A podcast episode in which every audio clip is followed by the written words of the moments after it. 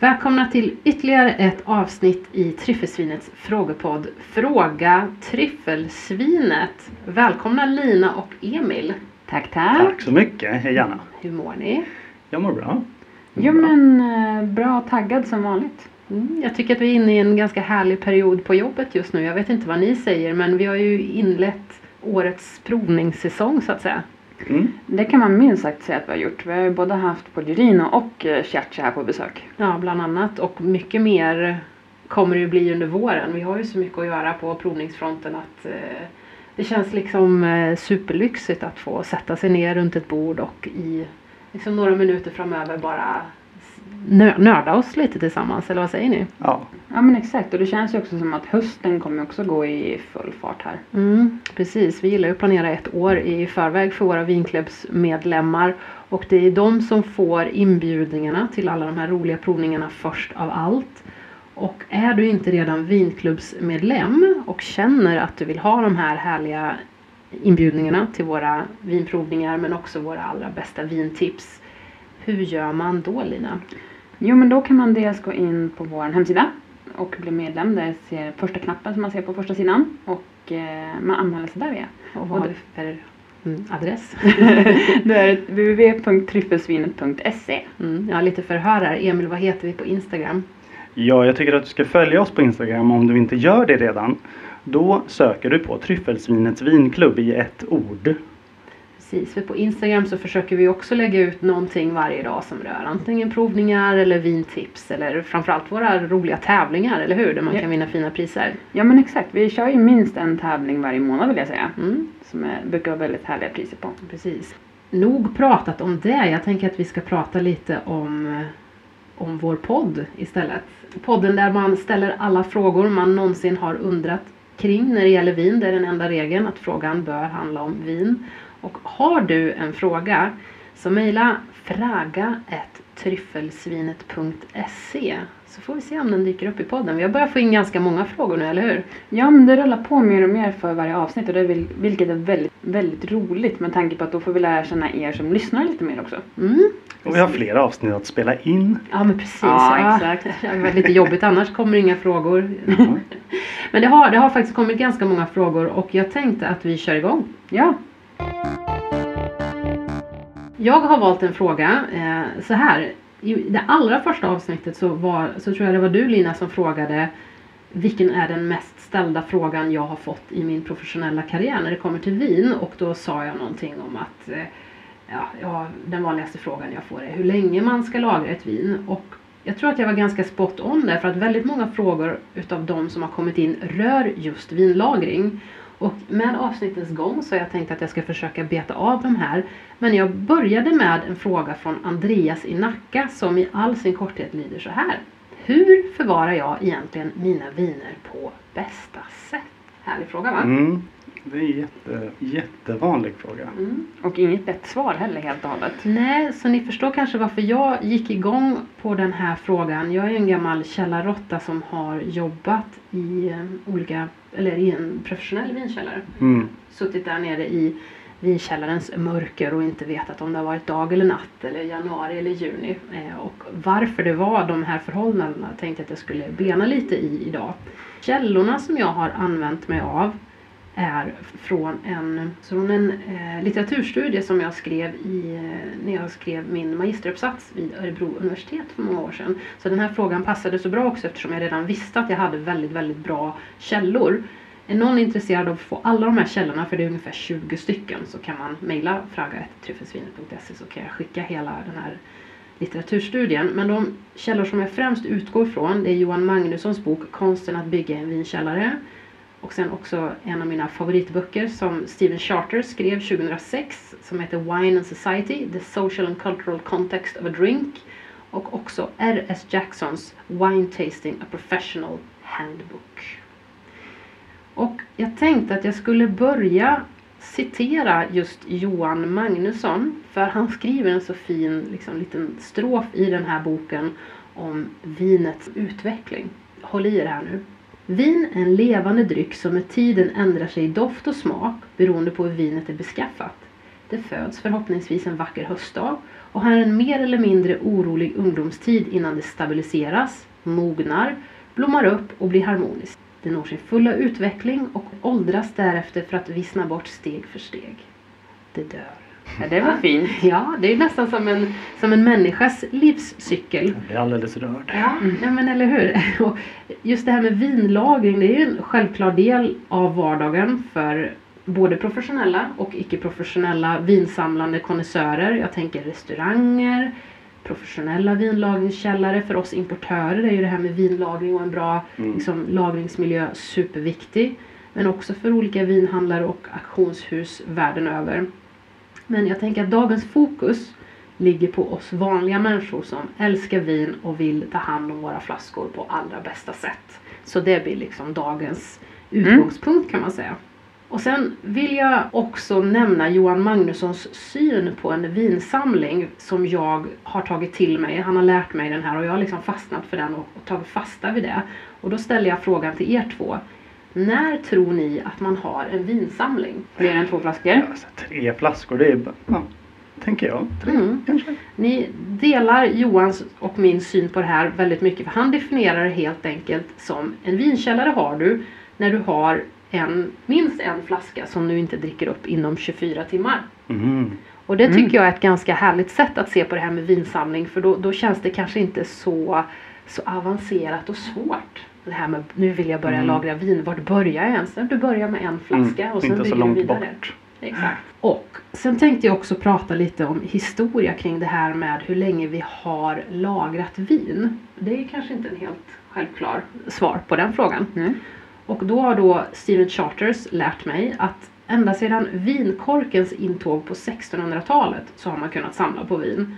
Och under den här tiden så sköttes samlandet såklart främst av den engelska överklassen.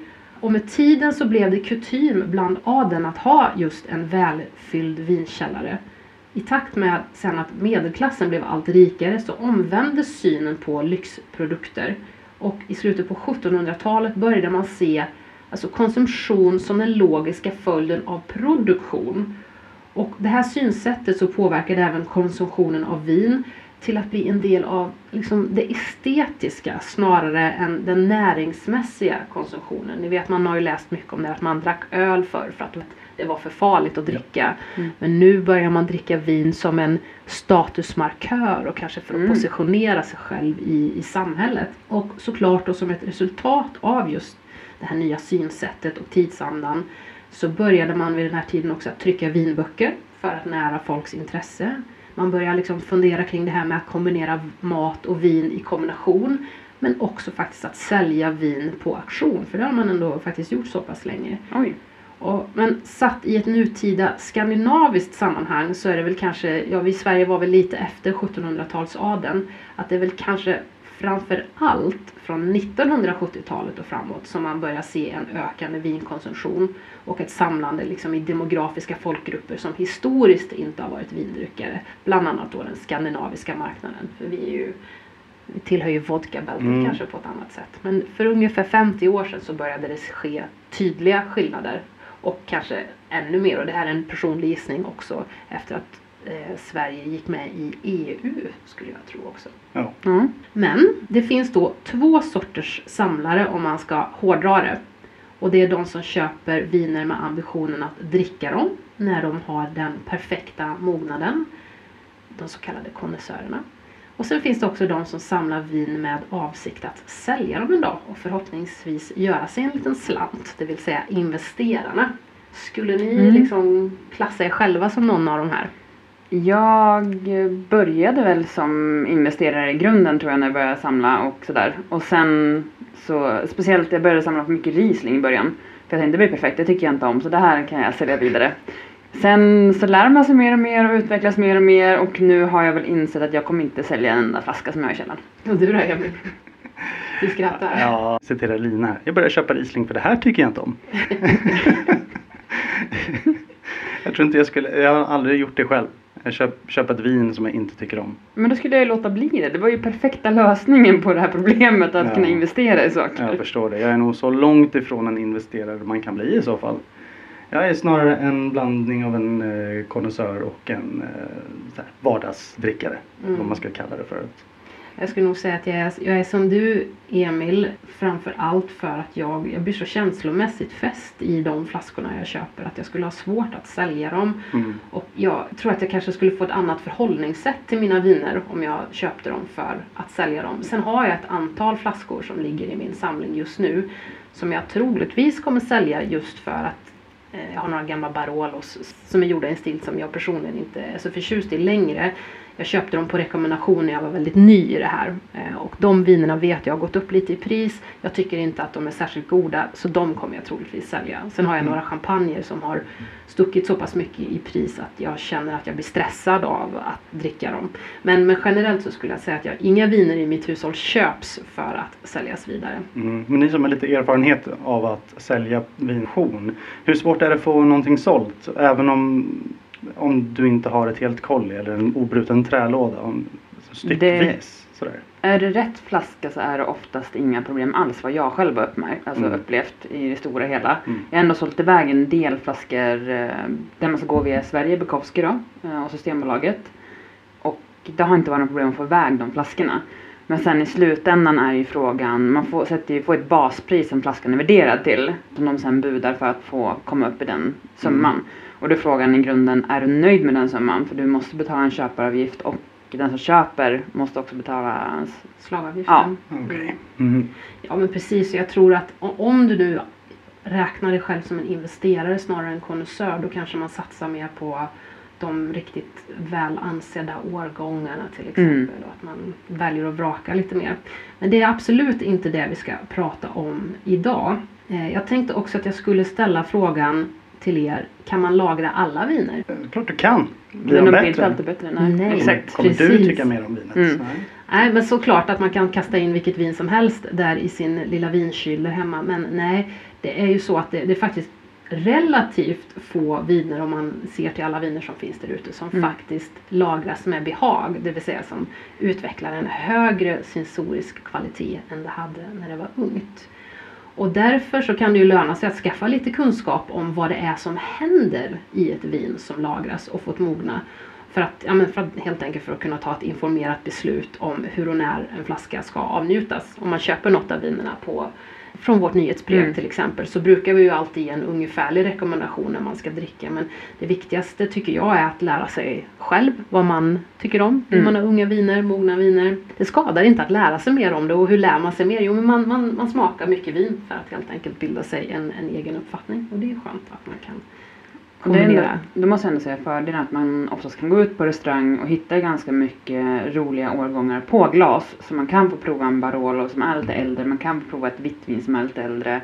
Och få känna på lite grann, okej är det här någonting jag uppskattar eller inte uppskattar? Och genom det lär man sig också sjukt mycket om Exakt. Och vi försöker ju alltid i den mån det går när vi släpper de här limited-vinerna, de här jättesmåskaliga släppen Mm. med hemligt artikelnummer, så är vi ju alltid på jakt efter så kallad back Mm. viner med lite ålder, just för att det är så svårt att få tag på det. Ja. Men även våra provningar måste jag säga att vi tar med ganska många, oftast en non-back vintage. Ja, vi brukar provningarna. be, producenterna att plocka Mm. med lite från, från deras privata källor. Absolut. För det är ju så här att när du har ett ungt vin som du dricker så uttrycker ett, alltså ett ungt vin väldigt mycket av druvans expressiva primäraromer, det vill säga de aromerna från, som kommer från själva ska man säga, druvan som har suttit på, på klasen. Medan ett lagrat vin har mindre framträdande primära aromer och mycket mer liksom subtila tertiära aromer som är ett väldigt fint ord för att säga lagringsaromer. Alltså aromer som förknippas med mognad och ålder snarare än ungdom. Och det betyder ju att samma vin kommer smaka helt olika beroende på om det är ungt eller moget. Och därmed så kommer de här förändrade smakegenskaperna även ha förändrat användningsområdet för ett vin som man behöver ta ställning till. Så kort och koncist, lär dig lite mer om vad du själv tycker om för att kunna ta ett bättre informerat beslut om hur länge man ska lagra ett vin. Men sen kan man liksom peka ut ett antal faktorer som då är avgörande för huruvida ett vin är lagringsbart eller ej. Och nu kommer jag inte prata så mycket om att vissa regioner kanske är mer lagringsbara än andra eller vissa årgångar utan mer titta på eh, det kemiska. Och ska man hårdra det så kan man hävda att lagringspotentialen till viss del bestäms av druvans socker, tannin och alkoholnivå. De olika aspekterna är ju oföränderlig så att säga. Om du öppnar samma vin ungt som när det är moget så kommer ju sockernivån vara densamma, tanninnivån densamma och alkoholnivån kommer vara densamma. Det förändras ju inte med, med mognaden så att säga. Så det vill man ha bra kvalitet i alla de parametrarna. Sen finns det ju andra faktorer som vinets koncentration och fruktsyra och att de här liksom olika delarna måste vara i balans för att ett vin ska kunna lagras. Och som en konsekvens av det här så är det ju då av yttersta vikt att druvornas mognadsnivå och kondition är av god kvalitet när de kommer till vineriet. För det är helt enkelt så att kvaliteten och balansen måste finnas i druvan redan från början för att det slutgiltiga vinet ska bli lagringsbart. Jag hade en gammal lärare på gymnasiet som kommer liksom inte ihåg någonting annat av det han lärde mig men han brukar säga Rönngren skit in, skit ut. Och det stämmer ju lite. Du kan liksom Mm. inte polera en bajskorv som vi säger här i Värmland. Att har du ett undermåligt vin så kan du liksom inte lagra dig till att det ska bli bättre. Så det måste vara ett bra vin redan från början helt enkelt. Jag tror det går att applicera på mycket i Mm. livet. Ja, verkligen. En bra grundprodukt. Helt klart. Ja, jag, som sagt, det var någonting som fastnade där och det var absolut inte en lärare i vin. Det var liksom, jag läste media på, på, på gymnasiet men det, det, det fastnade. Så slutgiltigt sett kan man säga att kvalitet i vin därmed i mångt och mycket är ett utslag av dess kemiska sammansättning. För under lagringsprocessen så kommer vinet att förlora, som jag nämnde innan, mycket av de här fruktiga karaktärerna. Och ett vin vars stil är baserat på att det ska vara väldigt fruktigt, de här fruktiga estrarna, kommer ju snabbt förändras och oxideras till ett mer smaklöst och mindre aromatiskt vin. Och ett exempel på det är ju kanske liksom ett härligt, fruktigt, fräscht, liksom enkelt rosévin som är gjort att det ska vara liksom superhärligt, friskt, fräscht, bärigt. När den här härliga, bäriga fruktigheten försvinner, ja vad finns kvar? Inte så mycket. Ett vin som däremot anses mogna väl, det är ju när druvans karaktär framhävs. Eller när de här primäraromerna då som jag pratar om, de fruktiga aromerna, ersätts med en subtil och komplex smakbukett. Jag vet inte om ni har liksom hört det franska ordet bouquet. Jo. Helt enkelt där den kemiska förklaringen till bouquetaromernas ursprung, den är liksom inte helt klarlagd. Men den härrör troligtvis från nedbrytning av kemiska ämnen, minskning av svavelinnehåll och en oxidation av vinets fenoler. Och då gäller det ju då att den här liksom bouqueten blir trevlig och njutbar. Mm. Sen som jag nämnde lite grann då att årgången påverkar ju. Man pratar om att 2019 var en fantastisk årgång medan kanske 2003 var en liksom sämre år, årgång. Mm. Man ska säga. Så vid en årgång där växtsäsongens klimat varit gynnsamt så kommer druvornas kvalitet vara liksom lite högre ur, liksom från början. Och vara av en sån dignitet att de har rätt förutsättningar för ett långt liv i källaren. Och för att liksom dra en parallell då så kan man ju säga att en, riktigt bra Bordeaux till exempel från 2016, 2019 de kan ju utan problem lagras 15, 25 år, kanske till och med ännu längre. Mm. Medans ett vin från alltså samma slott men en kanske liksom lite lägre rankad eh, årgång redan är fullt mogen efter 15 år. Mm. Jag pratar ofta om det här med sommelierårgångar. Eh, Är du sommelier så är du, och inte en investerare då köper man gärna de här lite mer mellanåren för att man vet att de mognar lite snabbare och Mm. därmed blir njutbara för ens gäster lite tidigare. Så man ska aldrig liksom bortse från årgångarna som inte är superhypad av de här coola vinskribenterna skulle jag säga. Att alla årgångar fyller sin funktion. Vissa årgångar köper man för att vänta lite längre medan andra för att njuta lite tidigare. Mm. 2017 i Bordeaux till exempel kanske man kommer definitivt börja dricka innan man dricker 2019 till exempel eller 2016. Och sen är det ju så att Magnumflaskor generellt sett också är bättre för långtida lagring. Det har vi fått en fråga om som jag ska försöka svara eh, på i ett, litet, ett avsnitt längre fram. Men där är summan av kardemumman och det korta svaret är ju att eh, öppningen i en Magnumflaska är ju lika liten som i en helflaska. Så det blir liksom procentuellt sett mindre vin som kommer i kontakt med syre. Mm. Så mognaden går långsammare helt enkelt. Så min reflektion är att om du inte köper vin för att sälja på auktion, då ska du definitivt satsa på de mm, högst rankade årgångarna, för det är de som stiger mest i pris. Så tycker jag att det finns en stor vits att mixa toppårgångar som man kan lagra länge med de här lite lägre ansedda årgångarna som du kan dricka tidigare. Sommelierårgångarna som man brukar kalla dem. För om du har en bra producent, då kommer de ju göra bra vin alla år. Det är inte så att de är äckliga vissa år. Det är bara att de blir lite mer eller mindre lagringsdugliga. Jag tänkte sticka in och fråga det. Det är inte- som att vinet kommer vara äckligt. Nej. För att det är årgång 2017 i Bordeaux vi pratar om. Nej precis. Nej. Alltså jag var ju faktiskt i Bordeaux och provade primörerna 2017 och blev jätteimponerad. Det är ju Mm. bara att vinerna kommer mogna snabbare. Och det är ju skönt för som sagt man vill ju inte behöva sitta och vänta 15-20 år på alla sina viner. Nej, det var det jag tänkte flika in. Man, måste, man får ju ha en liten tanke när man bygger upp, om man bygger upp sin vinkällare, sin vinkyl, att man kollar på årgångar som ska sparas, man kollar på årgångar som man kan dricka nu. För annars sitter man där i problemet och man ska gå in och kolla vinkylen och så bara Nej, inget av det här kan jag dricka för stunden. Vad ska jag då dricka? Exakt. Det kan och kan, men du kanske känner att Du, du, det blir bättre det här vinet om jag väntar fem år. Är det verkligen värt att öppna idag? Ja, för när man pratar om ett vin är, det är för ungt, vad menar man då egentligen? Ja, men så kortfattat kan man ju säga att ett ungt vin är ju ganska oförlöst. Det kan vara ganska stängt och knutet och har inte blommat ut till sin fulla potential. exakt. Så öppnar du ett vin för för tidigt så är ju risken att du liksom inte får ut så mycket av vinet som du kanske skulle ha fått annars. Mm. Sen vill jag ju höja ett varningens finger för att lagra viner för länge. Oh ja. För det finns ju inget tråkigare än att öppna ett vin som du borde ha druckit för tre år sedan. Mm.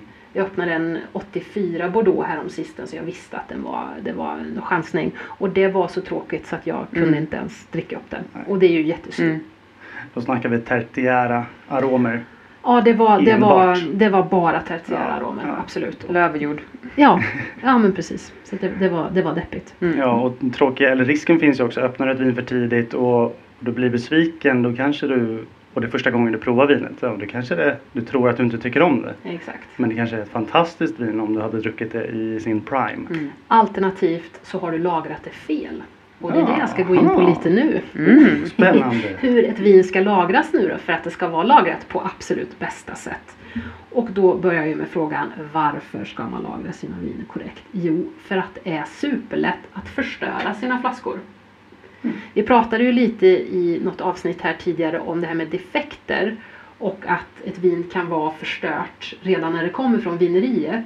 Men sen kan det ju också vara the other way around så att säga när du har, en, du har fått en perfekt produkt från vineriet och sen förstör du den själv. Och då kommer jag prata lite om de viktigaste faktorerna som är ljus, temperatur, luftfuktighet, flaskornas position och vibrationer. För alla de här faktorerna är sånt som kan förlänga eller förkorta livslängden på dina flaskor beroende på om du har dem på rätt eller fel sätt. För så här är det ju va, att när du med möda och omsorg har valt ut, inhandlat och lagt dina surt skattade pengar på dina favoritviner, då är det ju synd att man själv ska vara anledningen till att det blir förstört. För målet är då, och vad är målet? Jo, att uppnå en långsam mognadsprocess för sina viner. Inte som jag nämnde senaste avsnittet jag var med i, när vinerna hade legat ovanpå en kyl. Exakt, eller som min pappa som hade dem ovanför varmluftsugnen. Ja men det var ju väldigt populärt i gamla kök att man hade vinerna uppe ovanför spisen eller bredvid ugnen. Där det ser snyggt ut. Inte nog med att komma hem till föräldrarna och dricka rumstempererat rödvin med sådär 25 grader. Varför inte dricka 35 gradigt rödvin? Ja men Mm. exakt, det har ju uppstått flera gånger. Mm, Men det är ett annat avsnitt med temperaturerna på vin vi kan diskutera. Ja. Ja, jag ska börja med att prata om ljusets inverkan helt enkelt för att eh, min erfarenhet säger att det är väl kanske om du bara ska ta hänsyn till en av de här sakerna jag sa, börja med ljuset. Det är väl kanske också den som är all, allra lättast att påverka. För all entydig forskning som jag har hittat pekar på att exponering mot ljus med korta våglängder sätter igång processer i vinet som kan ge upphov till obehagliga aromer. Och det är faktiskt också anledningen till att de flesta viner buteljeras i färgade flaskor som blockerar bort ljuset. Så att även om du alltså, förstör dina viner genom att ha dem för ljust så har i alla fall vinmakarna försökt tänka till där i väldigt hög utsträckning när de väljer en mörk, en mörk butelj till sina flaskor. Eller så kan man ju göra som vår eh, Franciacorta-producent Cadel Bosco, deras, eh, vad heter den, Cuvée Prestige. Ja. Har ni sett att de har den här orangea cellofanen Mm, på? mm, Och den ska då hjälpa Mm. till att skydda mot det här UV-ljuset. Därför är alltså det viktiga här är att undvika att vinerna exponeras för ultraviolett ljus som kan påverka vinets doftaromer negativt. Vill du som jag, jag har en vinkyl där hemma, ville helst inte ha en eh, kompakt dörr utan jag vill gärna ha en, vin, en vinkyl med glasdörr för att jag tycker att det är snyggt. Då ser man till att man köper en vinkyl eller vinskåp som har eh, UV-skydd på glasen. För det finns det många som har. Och har du inte det så, ja men ett enkelt sätt är att stoppa in dem i garderoben eller någonstans där det är fritt från solens strålar. En glödlampa, Mm. ja det är väl inte hela världen. Men det är just solens strålar som det ska hållas borta från. Sen temperaturens inverkan är också superviktig. För när det kommer till temperatur så tvistar de lärde om den exakta ultimata temperaturen. Lina, vad, vad har du dina viner på för temperatur? Mellan 12 till 14 grader. Mm. För, och det är de vinerna jag ska lagra. Sen så har jag, jag har ju lite två ställen jag lagrar på. Jag har en källare där jag hyr in mig som är 70% fuktighet, det är 12 till 14 grader. Allting ligger optimalt och sen så har jag en vinkyl hemma där mer är viner som jag vill dricka nu eller väldigt snart som inte är så lagringsdugliga kanske. Och där håller jag dem mellan serveringstemperaturerna. Och återigen, här skiftar det ju väldigt mycket vilken serveringstemperatur man ska ha så det brukar den flyttar omkring lite grann helt enkelt temperaturerna. Mm.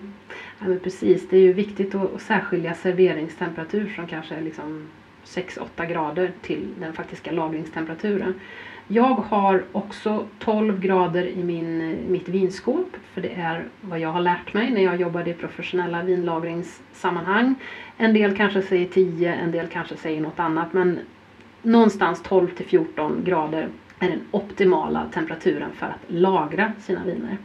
Sen är det faktiskt ännu viktigare vare sig du väljer 10 eller 12 eller 11 att temperaturen hålls jämn och inte fluktuerar. Och då menar jag att den ska helst inte vara, skilja för mycket mellan dag och natt. Men heller inte mer än 10 grader mellan sommar och vinter. Och då kan man ju, alltså säga att man har en matkällare eller någonting Mm. hemma och är lite osäker.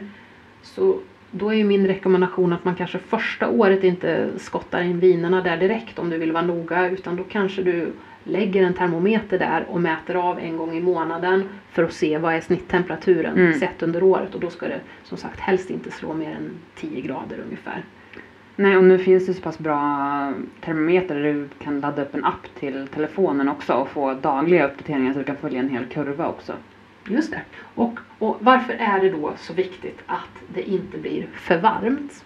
Jo, för att det är ett av de mest effektiva sätten att accelerera ett vins mognadstakt. Det är helt enkelt att lagra det i högre temperaturer. Men, och för det kan ju på pappret låta bra, perfekt, det mognar lite snabbare. Men det du vinner i påskyndad mognad förlorar du i kvalitet. För den här extra värmen, den inte bara främjar mognadsreaktioner utan främjar även andra reaktioner som generellt anses skadliga för vinet. Det finns en kille som heter Dr. Alexander Pandel vid den kemiska fakulteten vid California State University. Han har forskat kring det här och kommit fram till att genom att höja lagringstemperaturen 10 grader så ökar den kemiska reaktionshastigheten i ett vin mellan 2 till 8 gånger. Och vad betyder det? Jo, att genom att lagra ett vin vid en konstant temperatur vid 23 grader då får du samma reaktion på 3 år som ett vin som lagras i 24 år vid 13 grader. Okej. Här börjar man snacka Mm. liksom, konkreta Mm. siffror. Och om man då lagrar sina viner ovanför varmluftsugnen då, eller i pannrummet som jag hört att en del gör. Om du lagrar ett vin vid 33 grader i en månad, Mm. då får du samma reaktion som ett vin som lagras under 18 år under ideala förhållanden. Så det bevisar då att även korta temperaturförändringar i ett vin kan vara skadligt. Eftersom man är ute efter den här långsamma lagringen som jag pratar om. Där, man, där vinet får möjlighet att utveckla de här härliga komplexa aromerna som man liksom fantiserade om när man köpte vinet. Och här är ju liksom en av anledningarna till att vi importörer, det finns ju ingenting som är mer stressigt än om man skulle få höra att man har en hel container med vin som fastnar i någon varm Mm. hamn någonstans och inte kommer iväg. Så det kan ju räcka med Eller kall. Eller kall, precis. Och det kan ju räcka med att du glömmer en flaska vin i en varm bil för länge. Så, Mm. så kan du liksom börja förstöra flaskan. Den hamnar i, helt enkelt i obalans. De här temperaturförändringarna mellan dag och natt kan också göra att flaskan utsätts för en ständig expandering och kontraktion av vätskan. Vilket kan göra att korken börjar liksom tryckas ut och ta med sig skadligt syre in när, den liksom, när det dras Mm. tillbaka. Jag vet inte om ni har sett någon gång om ni har öppnat en flaska vin och på korken att man ser att det har liksom läckt igenom korken. Mm. Jag tror det kallas för cipage eller Mm. sånt där. Och det kan vara, det är inte säkert att vinet har blivit förstört, men att det ser ut så på korken kan vara ett tydligt tecken på att flaskan vid något tillfälle har lagrats för varmt. Det vill säga att man ofta ser att korken är fläckad med vin redan Mm. innan man ens har dragit ut den. Det är inte, det är inte att den är, står för kallt när korken drar ihop sig. Jo, det kan det också vara. Jag funderar på om värmen lär väl expandera korken och Mm. Kylan drar ihop och, blir det för varmt så, så kan ju korken börja liksom Mm. tryckas ut. Ja, eh, den vill smita. Helt också. Ja. Men det är intressant det du säger med för kallt. För vad händer då om man lagrar vinet för kallt? Jag har på och tjatat om den här var- värmen hela tiden. Men är det för kallt så som du säger kan korken den, den krymper för att det blir kallt och då släpper den in syre. Mm. Men det kan ju också vara så att vinet fryser och korkarna forceras ut av den anledningen. Och sen har jag också läst någonstans, det har jag inte källan på längre tyvärr för jag hittar inte den. Men under 8 grader så kan liksom vinet hamna i obalans för Mm. att det blir för kallt. Då blir det liksom för... Jag läste det också någonstans häromdagen bara. Ja. Det visste jag faktiskt inte. Nej, så det är inte bra. Det är, jag tror att det är värre med för varmt men det är absolut inte bra med för kallt heller. Så att förvara vinerna i kylen, i sin vanliga matkyl, är inte heller optimalt. Nej, alltså jag gör ju det väldigt mycket med viner som jag har tänkt att jag ska dricka ganska snart. Mm. Det vill säga att viner som du har tänkt konsumera inom två år tänker jag att det behöver inte vara supernoga Mm. med. Jag har, alltså, har en flaska Mélie Lamartin från Cordier som ligger i, i kylen för att Mm. den, den ska jag ha snart. Mm. Och jag vill alltid ha liksom kyld champagne. Det kommer inte gå över en natt och så är Nej. det förstört. Men jag tror att man ska tänka, tänka jag dricka den här inom två år. Mm. Ja, då kan man ha den i kylskåpet. Men ska jag lagra längre än så, nej men då kanske man behöver tänka till. Mm. Ja. Alltså de där extrema kylan vi pratade om, Mm. där de sjunker under minus åtta. Ja, det här var plus åtta som jag sa. Du sa plus åtta? Plus Ja. åtta. Ja, det var minus åtta. Ja, det Jag var bra att du Mm. förtydligade det där. Mm. Så det, redan på plus åtta Mm. där någonstans under där Mm. så börjar det bli för, för kallt. Mm, okej. Ja, Jag, jag läste något skräckexempel i en grupp på Facebook. Det var någon som hade köpt vin, några vinlådor från Portugal eller vad det var. Och så hade han ställt dem i garaget. Eh, Icke isolerat garage, åkte iväg i två veckor. Det var vinsoppan. Han skrev, han skrev det fortfarande när han var på resan. Och Han, så han ställde frågan hur, hur oroad behöver jag vara för mina viner som står där hemma nu när det är minus 10, 15 däromkring. Ska jag be en granne eller familjemedlem komma och, och, och rädda mina viner? Fick du någon uppdatering på hur det gick? Nej, jag har inte, jag har inte varit inne och följt. Ja men det där är ju det är en mardröm. Så inte för varmt, inte för kallt, absolut inte för ljust. Och sen Lina, du sa 70% luftfuktighet och det är helt korrekt att luftfuktighetens inverkan också spelar roll. Och då säger forskningen att om ett vin ska lagras längre än tre år, då blir luftfuktigheten en viktig faktor för att säkerställa den här sensoriskt önskvärda mognadsutvecklingen. Och då bör luftfuktigheten ligga på cirka 70% eller högre. För om, liksom, om det blir för torrt, om luftfuktigheten blir för låg, då kan vinets kork helt enkelt torka och därmed släppa in oönskat syre. Om det blir för fuktigt, vad tror ni händer då? Kan det börja mögla på korkarna och flaskorna? Ja, framförallt så kan ju liksom etiketten bli förstörd och eh, riskera att angripas av fukt och också mögel. Däremot så har jag eh, med om att öppna flaskor när jag jobbade Mm. som sommelier så var det framförallt eh, ett vin som alltid nästan hade mögel på korken men det var bara på korken Mm. så det var bara att ta bort så det var ingen fara. Men, men man vill ju helst inte ha förstörda korkar men det, det, det är värre att det blir för torrt för liksom utvecklingen än att det blir för fuktigt. Men Mm. då kan ju liksom blir... Ja, man behöver inte kasta en flaska som man ser är lite mögel på. Absolut inte. Absolut inte. måste ju prova den först. Ja. Ja. Och där kanske man vill vara noggrann att ta bort möglet innan du trycker igenom en vinöppnare. ja, just det. Så, det du inte inte trycker ner det. i- kommer ner i Mm. vinet. Mm, absolut. Ja, men ta en liten, jag är ju i småbarnsåren och har lärt mig det fina med våtservetter. Ah. Det är Mm. liksom våtservetta lite på Ja, så, ja. så är det ingen fara. Den sista jag ska prata om innan jag avslutar med att prata om tre olika sätt att lagra sina viner på. Det är det här med positionerna och vibrationernas inverkan. Och det är väl det som kanske är minst viktigt. Om man har blivit stressad av det jag pratat om hittills Mm. så, så det, här kan, det här blir liksom överkursen då. Men vinflaskor bör ligga stilla i mognaden eftersom det kan sättas ur balans om det utsätts för vibrationer. Små, små, små, små vibrationer. Det kan ju vara om man liksom bredvid en väg eller vad det kan tänkas vara.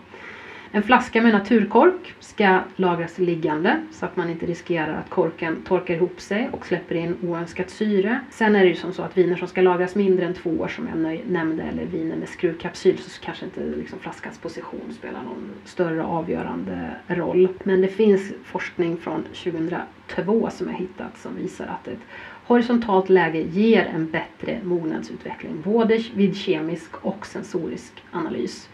Så flaskor som förvaras vertikalt enligt den här forskningen och de visar upp högre nivåer av acetaldehyd och högre grader av oxidation än de som förvaras horisontalt. Och det här gäller både röda och vita viner. Så sammanfattat, mörkt, svalt, fuktigt och stilla liggande. Det är de perfekta sätten. Och hur ska man då uppnå det här? Ja, men det finns väl tre liksom, generella sätt att lagra sina viner. För att summera så utesluter vi soliga och varma ytor, till exempel nära ugnen. Vi skippar dragiga vindar, garage och pannrum. Och sen är det andra faktorer som man kan tänka på. Det här med vibrationer, starka dofter och såklart försäkringsvärde. Men det är ju kanske ett podcastavsnitt i sig då. Men så vad finns det kvar egentligen? Lösningen är ofta att man har ett mångfacetterat förhållningssätt till sina viner och inventerar sina egna behov helt enkelt. Har du massa enklare viner som ska drickas inom en närperiod. Du pratade att du jobbar på det viset Lina. Om det är närperiod då menar jag ett till två år. Då är mörkt och svalt utrymme hemma, typ en garderob eller matkällare jättebra. Eller en vinkyl. Jag kommer prata om vinskåp nu. Skillnaden mellan vinkyl och vinskåp är att vinkyl egentligen är som ett kylskåp för vin där du ställer in så att du får en bra serveringstemperatur. Men ska du som jag då jobbar med flaskor som kanske är lite finare som du ska dricka under en längre period än den absoluta när, närperioden, det vill säga du ser en horisont som är längre än två år. Då skulle jag säga att ett vinlagringsskåp hemma är att föredra. Och då är skillnaden med vinkyl att oftast har man bara en enda temperaturzon där du ställer in. Jag har 12 grader på min. Här jobbar man mycket mer med kontroll på luftfuktighet och oftast så ligger det på som cederträhyllplan för att minska vibrationerna. Sen kan man då också sina viner som ska lagras en mycket lång period eller om du har mycket vin på hela lådor eller viner som du ska investera i eller exklusiva viner eller viner med affektionsvärde så finns det också de här professionella vinlagringskällorna eh, som, som jag har jobbat på där vi har liksom Magnusson Fine Wine eller Grapp här i Stockholm. Det finns massa olika. Och mycket handlar väl egentligen om liksom, intresse och mål med samlandet, vad du har för utrymme hemma, bor du stort eller litet?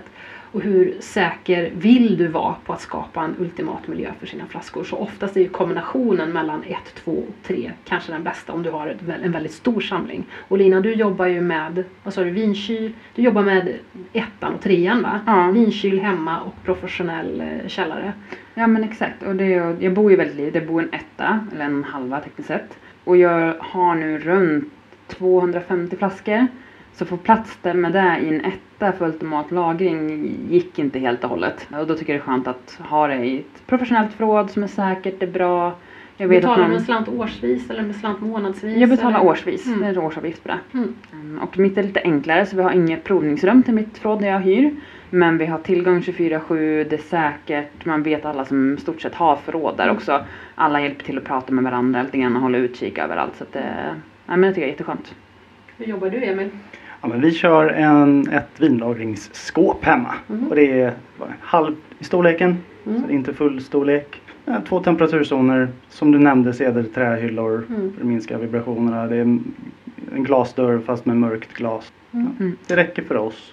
Jag kör samma som du. Jag har, eh, fast det är en temperaturzon på den jag har, ryms 294 flaskor vilket betyder väldigt mycket mindre än 294. Eftersom Mm. det är Mm. så fort du har en flaska Det är i handen Bordeaux- så Och det kanske vi ska nämna också att det är oftast när man nämner flask, flaskor på vinkylar och vinskåp så är det Bordeaux-storleken. Det är inte De långa, champagne. smala, lättstaplade. Nej. Och det är inte champagne eller bourgogneflaskor man pratar om. Nej, flyttade till hus för ett år sedan ungefär. Vi har en eh, matkällare där som jag tror har bra temperatur. Men jag hann aldrig riktigt förra året så jag tänker att årets projekt är att faktiskt mäta av temperaturen för att Mm. se hur, hur den håller sig sett över året. Mm, Ibland, spännande. så, ibland så köper man ju viner som, alltså till slut blir det platt, eh, fullt i vinkylen. Även om vi är bra på att plocka ur den. Det ska bli spännande att följa dig. Ja men Mm. precis. Så att mitt bästa tips är då att som sagt inventera ditt eget behov. Ett, två eller tre. Eh, utifrån de tre olika alternativen jag sa där. Jag, sen, hur köper man vin helt enkelt? Och där är ju jag och min sambo väldigt olika. Han skjuter hej vilt sånt han blir sugen på när han står framför tillfälliga hyllan. Men jag handlar mycket mer planerat och strukturerat. Och sen köper jag ganska brett utifrån de favoritproducenter jag har. Det vill säga att jag köper både de enklare vinerna för att dricka unga och sen kanske jag köper dem lite dyrare för att täcka Liksom, jag täcker upp behovet, spara för framtiden. Försöker tänka brett inom en producent och är det en producent jag verkligen gillar så brukar jag oftast köpa varje årgång just av det faktumet att alla årgångar Mm. har olika liksom, lagringsmöjligheter framför sig. Lina, du har också fått en fråga. Ja, men jag har också fått en fråga och vi ska ju prata lite grann om mousserande. Så här låter frågan. Hej! Jag har en liten fråga efter att ha gått på Stockholm Food and Wine i november. Jag gick väldigt mycket runt på mässan och även längs Avenue de Champagne där de pratade väldigt mycket om dosage. Jag förstod inte helt vad det är, så kan ni reda ut detta för mig? Bubblande hälsningar Mikaela. Självklart ska vi försöka grotta ner oss lite grann i det här. Jag har använt mig av eh, information, källan Civic, Kommitté de Champagne. För att det här handlar ju om den traditionella metoden när man pratar om dosage i champagne framförallt. Men även dosage i cava och andra mousserande som är gjort på den traditionella metoden. Precis, jag har lärt mig någonstans att är man med i EU så följer alla liksom samma regelverk men så heter det lite olika beroende på vilket land man befinner sig i. Va? Ja, det kan skifta. Men vi pratar utifrån dosage så blir det lättare Mm. när vi ändå ska gotta i det där. Och eh, det lätt förklarat är det här är doseringen som är den sista touchen som läggs till på vinet före man lägger till korken. Så innan man gör den slutliga korkningen med korken. Och det är en blandning av rörsocker som man löst upp i vin. Och det är känt inom champagne som liqueur de dosage. Visst kallar man det också liqueur d'expedition eller är det den som heter liqueur de tirage? Jag blandar alltid ihop de där två. Det är liqueur de triage annars också. Just det, just det. Mm. Eller hur? För precis när, innan man sätter på korken och tillsätter det här så är all champagne då, för det är det vi Mm. pratar om, knastertorr, eller hur? Det finns ju en liten mängd socker som är naturligt, som är med druvorna och sådär. Men sen så när man väljer att tillsätta dosagen är det också som du nämner, den är torr och det är för att reglera torrhetsgraden och sötman också i det mousserande. Så det är då du bestämmer om du vill landa på 3 gram rest, restsötma, 5 gram restsötma och- så vidare. Ja men exakt. Mm. Eh, Och ib- ibland väljer man att inte tillsätta dosagen utan man tillsätter bara det lilla restvinet i flaskan. Okej. Och eh, jag tänker att jag eh, fortsätter nörda med champagne då är det här jag, där jag trivs bäst. Nivåerna för det här är lite klurigt för att de går in i varandra när man ligger på de lägre nivåerna och så innan man går över till de mer högre nivåerna. Men vi börjar med något som vi kallar brött natur eller zero dosage. Då är det 0 till 3 gram socker som tillsätts. Per liter. Exakt. Det är viktigt att poängtera. Väldigt viktigt. Vi går över sen till extra brött. Då är det 0 till 6 gram. Vi vandrar vidare till brött. Då är det 0 till 12 gram. Så här märker ni att alla de här kan gå in i varandra. Men de flesta är väldigt duktiga på att skriva ut på flaskan om det är extra brött eller brött. Ja, men det här blir ju förvirrande för då, hade, då skulle det kunna vara så att du har gjort en champagne som du kallar för Brytt Natur, Emil har gjort en som kallas för Extra Brytt och jag har gjort en som är kallad för Brytt och vi kan alla ha säg en gram socker per liter och eh, vara inom vår lagliga rättighet så att säga. Ja, men de brukar försöka hålla sig, är, vet de att det är under 3 gram så håller de sig inom sin gard så att säga. Märker man att det är mellan 3 till 6 gram så brukar de försöka skriva extra brött och sådär. Ja precis, jag brukar nog tänka i huvudet att en extra brytt är 3-ish liksom. Mm. Och jag brukar tänka att brytt så brukar jag tänka någonstans mellan 4 och 9 kanske. Ja. Är det högre eller lägre så blir jag ju väldigt förvånad. Ja, och nu när vi går vidare, ännu vidare som kommer förvirra oss lite mer, för nu kommer vi in på något som heter extra dry. Och där kopplar jag till att nu borde det vara mindre socker, men det stämmer ju inte. Eftersom det heter extra dry. Ja. Precis. Och här är det 12 till 17 gram, så nu har vi lämnat 0 gram, så nu går vi mer under striktare linjer. Efter det så går vi upp på dry och då är det 17 till 32 gram. Precis, och säck kallar man det, kan det kallas också, eller hur? Ja. Och efter det så går vi upp på DM6 som är 32 till 50 gram och sen går vi upp till D som är 50 gram och uppåt. Det är väldigt ovanligt att man ser någonting som är liksom egentligen allting överbrytt är ju väldigt ovanligt i champagne. Prosecco tycker jag man kan se extra dry och dry och det finns väl någon enstaka men dö tror jag det är ju knappt man liksom ser. Jag vet att det finns vissa champagneproducenter som gör med D, men det är väldigt ovanligt. Standard är väl egentligen brytt. Det är väl det vanligaste. Extra brytt, liksom. ja. Ja. Och det, som sagt, det är värt att nämna här att brytt är ju, den är ju torr. Ja. Även om den får vara upp till 12 gram socker per liter för det är ju någonting så fort det kommer bubblor Mm. i så kan man ha i ganska mycket mer socker jämfört med ett stilla vin och det fortfarande känns snustort. Även sockergrader och sådär, det är ju oftast mer socker i vanlig mjölk än vad det är i vin. Rejält Ja. mycket mer socker i vanlig mjölk. För där är det väl 5 gram per 100 va? Mm. Så hade du skrivit ut mjölk på samma sätt då hade det varit 50 gram per liter. Ja, och det är många som glömmer bort det här. Men ska vi göra så här Lina att när vi lägger ut avsnitt eller liksom avsnittsinlägget på Instagram så lägger vi ut en bild på de här olika nivåerna så att man ser det framför sig för det kan jag nästan tycka är Ja, lättast. Mm. För, så gå in på, kolla in oss på Tryffesvinets vinklubb på Instagram så Absolut. ser man, man hela den där listan.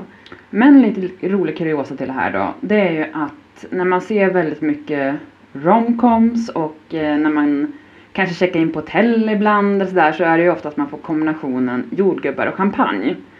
Vad tycker ni om jordgubbar och champagne tillsammans? Alltså den initiala bilden, åh vad romantiskt, men tänker man rent så här, smakmässigt är det ju en, just eftersom champagne är så torrt och jordgubbar är så sött så blir ju på ren värmländska en skitkombination. Mm. Ja, för att jag vet första gången när jag fick det så undrar jag varför är det varför tjatar alla om det här? Det här går ju verkligen inte ihop.